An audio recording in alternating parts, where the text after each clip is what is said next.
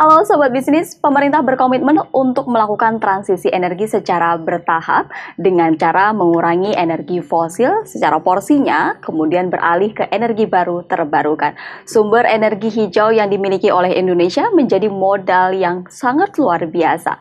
Sayangnya, cadangan energi hijau tersebut baru dimanfaatkan satu persen untuk kapasitas terpasang. Belum lagi, Indonesia juga dihadapkan dengan tantangan investasi.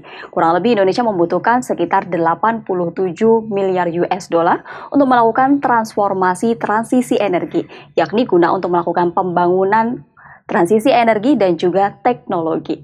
Sobat bisnis, inilah fokus bisnis, cari-cari duit transisi energi. Fokus bisnis, mengulas informasi ekonomi dan bisnis lebih dalam, lebih tajam.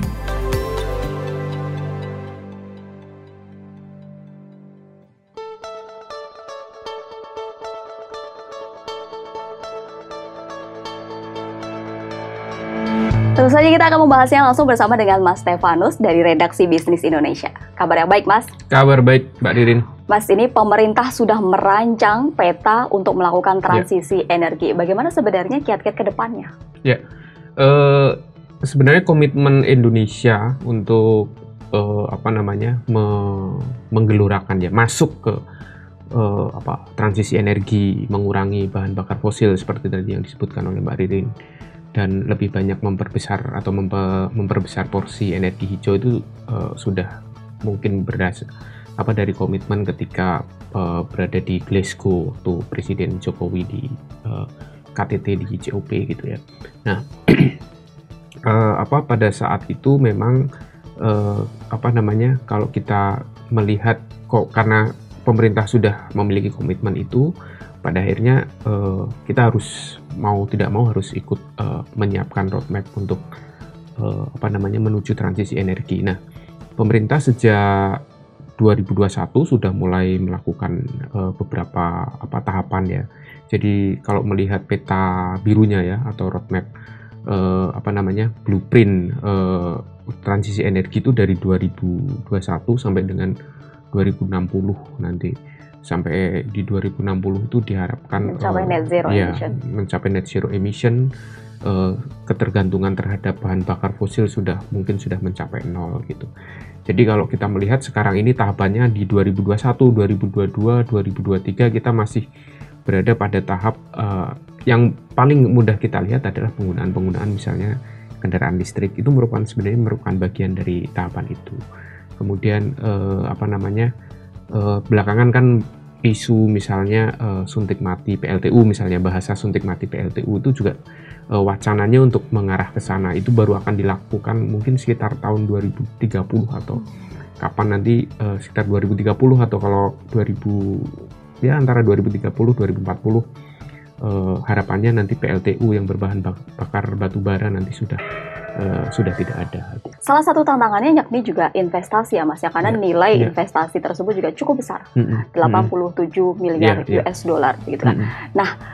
Dari transisi energi ini dan juga investasi, tentu kita juga akan berlomba dengan negara lain untuk Hmm. mendapatkan investor. Iya, iya. Di sisi lain kita juga butuh negara-negara Iya, tersebut iya. untuk berinvestasi di Indonesia. Ya, Nah, bagaimana temuan dari bisnis Indonesia berkaitan soal dinamika investasi yang akan digunakan untuk transformasi energi? Eh, salah satu daya tarik Indonesia kan sebenarnya kita punya sumber daya alam yang eh, boleh dibilang sangat mumpuni lah ya untuk transisi energi. Kita punya eh, apa kalau sekarang ini yang untuk kendaraan listrik kita punya nikel dan lain sebagainya gitu ya.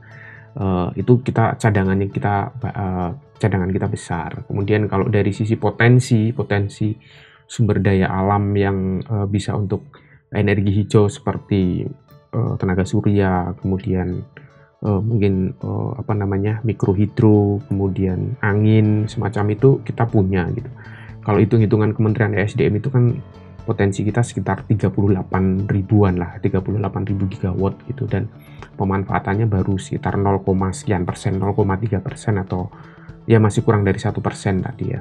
Eh, artinya eh, apa dari sisi teknologi eh, kita tentu harus banyak apa harus banyak apa bereksplorasi ya Eh, mau tidak mau mungkin eh, seperti yang disampaikan oleh beberapa kali oleh presiden bahwa eh, investasi untuk uh, energi baru terbarukan itu kan kurang lebih uh, 87 miliar US dollar.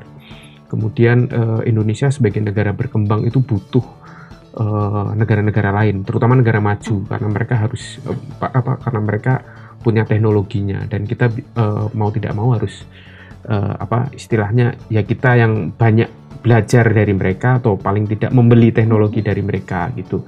Jadi uh, itu yang kebutuhan yang uh, paling paling besar gitu. Dan mungkin yang uh, perlu di apa pikirkan bersama adalah uh, riset terkait dengan pemanfaatan energi baru terbarukan. Saya kira di hampir semua perguruan tinggi di Indonesia punya riset-riset terkait dengan uh, energi baru terbarukan. Tapi memang uh, apa namanya dari aspek untuk membawa masif ya untuk dari perguruan tinggi kemudian dibawa masif untuk industri memang itu yang itu yang butuh tantangan dan juga harus dijembatani ya ya betul itu pemerintah dengan memberikan mungkin memberikan insentif dan lain sebagainya tapi hmm. satu hal yang menjadi catatan dari Kemenkyu bahwa dari proses transisi energi ini yeah. adalah harus menghadirkan transisi energi yang adil yeah. dan juga terjangkau yeah. apa nih maksud dari adil dan terjangkau yang dimaksud dari Kemenkyu ya artinya kan gini uh, apa namanya uh, karena kebutuhan dana yang sangat besar. Kalau hitung-hitungan Kemenkyu itu paling tidak butuh sampai dengan 20 20-an ribu triliun. Itu sampai Kalo, di 2060. Iya, 28 ribuan triliun dah. Nah, artinya kan kita tidak bisa mengorbankan APBN kita, anggaran pendapatan dan belanja kita. Uh, hanya untuk mendanai transisi energi. Artinya kalau misalnya apa kita mengorbankan anggaran pendapatan kita, belanja kita untuk transisi energi artinya kita tidak berpihak kepada masyarakat yang memang butuh uh, apa namanya yang memang butuh uh, uh, subsidi butuh bantuan dari negara gitu.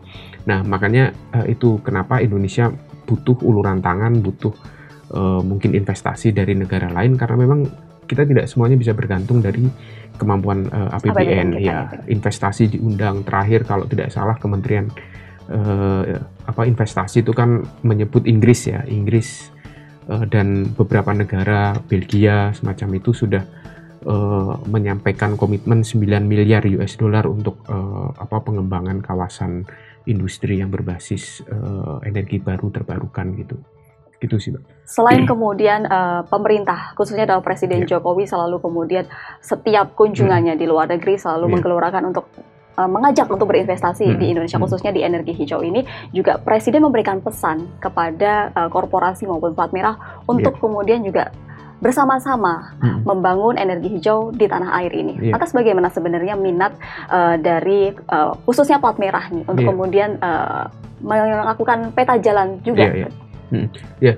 jadi uh, kalau plat merah uh, mau tidak mau ya karena kalau misalnya mereka diberi penugasan untuk uh, apa perusahaan korporasi plat merah kalau misalnya mereka diberi penugasan untuk uh, apa terhadap uh, proyek-proyek tertentu pasti mereka akan melakukan itu gitu.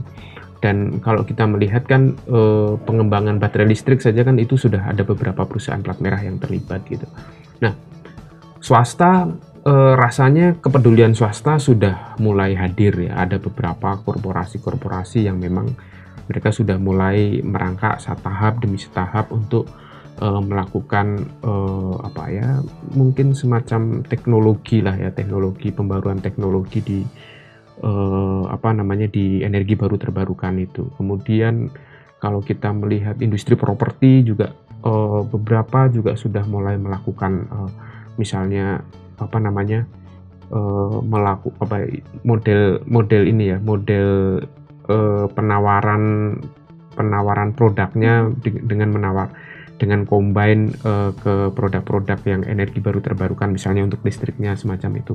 Artinya sudah ada kesadaran-kesadaran uh, itu gitu. Artinya kita perlu mengapresiasi beberapa korporasi besar di Indonesia yang memang sudah uh, apa namanya mulai masuk ke sana gitu. Jadi uh, memang ya kalau sesu ya harapannya kita sih memang roadmap yang sudah dijalankan pemerintah dari 2021 sampai 2060 nanti akan bertahan artinya tidak sekedar menjadi garang di atas kertas gitu kan atau hanya jadi macan macan ompong lah ibaratnya. Ini hanya sekedar dokumen tapi nanti ketika berganti ke pemerintahan berganti uh, kelembagaan dan lain sebagainya kepemimpinan di kelembagaan kemudian kita melupakan ini gitu.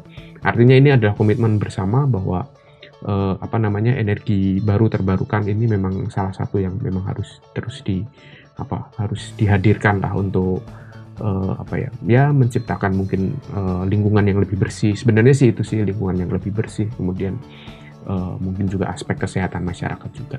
Gitu mbak. Selain uh, kepedulian dan juga selain kepedulian dan juga uh, keterlibatan juga hmm. ya akhirnya uh, memacu hmm. swasta-swasta untuk turut terlibat sebut saja Indika atau TBS hmm. yang sudah memulainya hmm. begitu kan. Hmm. Namun ada yang dikeluhkan dari para hmm. swasta ini. Salah satunya adalah profitabilitas yang kemudian masih kecil. Yeah, yeah, ini seperti yeah. apa? Ya, yeah. Uh, itu tadi ya uh, apa namanya investasi di energi baru terbarukan ini kan memang bukan sesuatu yang murah karena memang ini kan hal baru ya, mungkin hal baru masih uh, boleh dikatakan apa pun yang hal baru itu pasti butuh uh, apa investasi yang uh, lumayan dan tingkat pengembalian yang pasti akan lama. Beda beda ketika memang itu sudah uh, menjadi kebijakan yang cukup uh, masif gitu.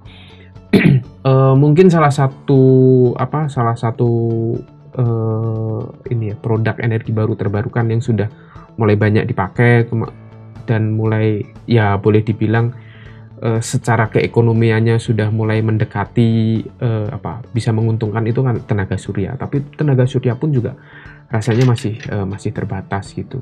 Uh, karena di sana masih ada insentif dan lain sebagainya gitu. Tapi untuk yang lain misalnya geotermal kita punya besar kemudian apalagi kalau uh, apa uh, laut ya kan laut uh, itu ya rasanya masih sangat susah untuk dari sisi aspek teknologinya. Kemudian angin, kalau angin beberapa daerah di Makassar, di apa di Sulawesi Selatan itu sudah mulai ada pengembangan untuk energi angin gitu. Tapi rasanya juga mungkin dari sisi kapasitas belum cukup untuk menggantikan uh, apa yang sudah uh, apa namanya yang sudah ada sekarang. Tapi setidaknya inisiatif-inisiatif itu harus tetap uh, kita dukung, kita apresiasi supaya uh, semangat untuk menjadikan itu tadi uh, energi baru terbarukan yang apa penggunaan energi baru terbarukan yang lebih efisien kemudian membuat lingkungan kita menjadi lebih bersih menciptakan kesehatan di masyarakat itu bisa tercapai. Tentunya kesadaran itu tidak hanya dimiliki oleh pemerintah saja, ya. tapi juga ya. pihak-pihak ya. lain yang turut ya, serta, ya. uh, baik korporasi maupun swasta dan juga masyarakat yang ada di Indonesia ya. turut mendukung uh, peta jalan yang telah dibuat oleh ya. pemerintah ini. Dan sobat bisnis, ulasan kami tadi hadir di Harian Bisnis Indonesia setiap hari Senin yang mengulas beragam informasi ekonomi dan juga bisnis secara mendalam. Sobat bisnis jangan lupa untuk berlangganan e-papernya. Sampai jumpa.